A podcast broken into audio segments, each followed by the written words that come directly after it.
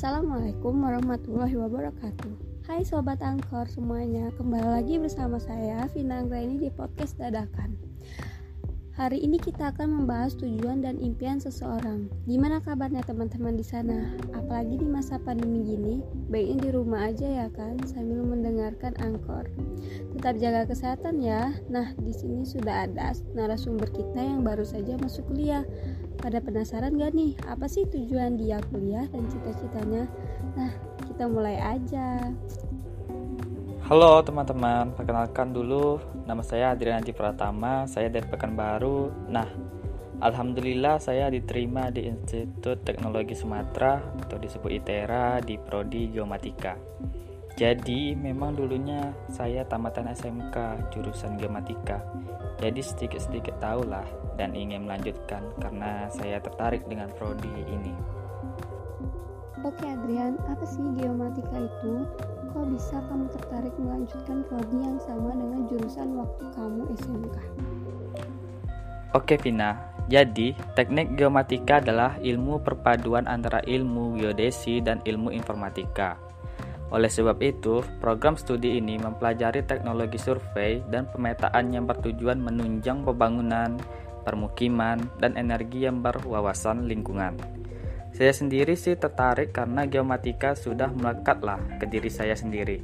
Karena saya dulu punya pengalaman magang SMK, itu saya banyak banget belajar tentang geomatika. Dari belajar tentang pengukuran, survei, dan lain-lain. Sehingga saya jatuh cinta lah sama prodi geomatika ini. Oke, baiklah. Nah, di masa pandemi gini kan lagi susah nih cari kerja saya penasaran mungkin sahabat angkor juga penasaran gimana sih prospek kerja prodi geomatika ini menurut Adrian? Uh, iya Vina. Untuk prospek kerja ya menurut saya prospek kerja geomatika itu cukup banyak ya. Dan karena peranana yang dapat terlibat di segala bidang dan Indonesia ini memiliki wilayah yang sangat luas membuat profesi ini menjadi penting dan prospektif di masa depan. Sarjana Teknik Geomatika dapat berkarir di berbagai instansi pemerintah seperti Badan Informasi Geospasial atau BIG, Kementerian Agraria atau BPN, dan lain-lain. Masih banyak lagi. Wah, jadi udah dipikirkan matang-matang ya sama kamu Adrian. Nah, buat teman-teman yang baru tamat SMA atau SMK nih, kita harus juga berpikir kayak Adrian kita juga harus punya tujuan dan punya impian masing-masing. Masalah tujuan dan impian, kita penasaran nih apa sih tujuan dan impian Adrian sendiri? Wah, kalau untuk ditanya itu sih banyak ya. Salah satunya tujuan dari Adrian sendiri untuk diri sendiri ya.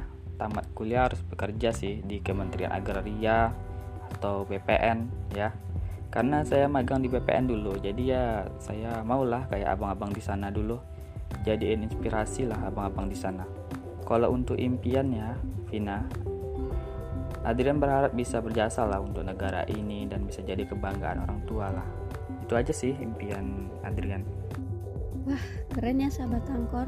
Nah, untuk Adrian, ada nggak sih kiat-kiat untuk teman-teman kamu di sana yang masih ragu nih mau melanjutkan kuliah apa enggak dan masih belum punya tujuan mau masuk prodi apa? buat teman-teman, kalau emang udah yakin mau melanjutkan kuliah, kalian harus tahu lah prodi yang kalian inginkan itu cocok nggak sama kalian.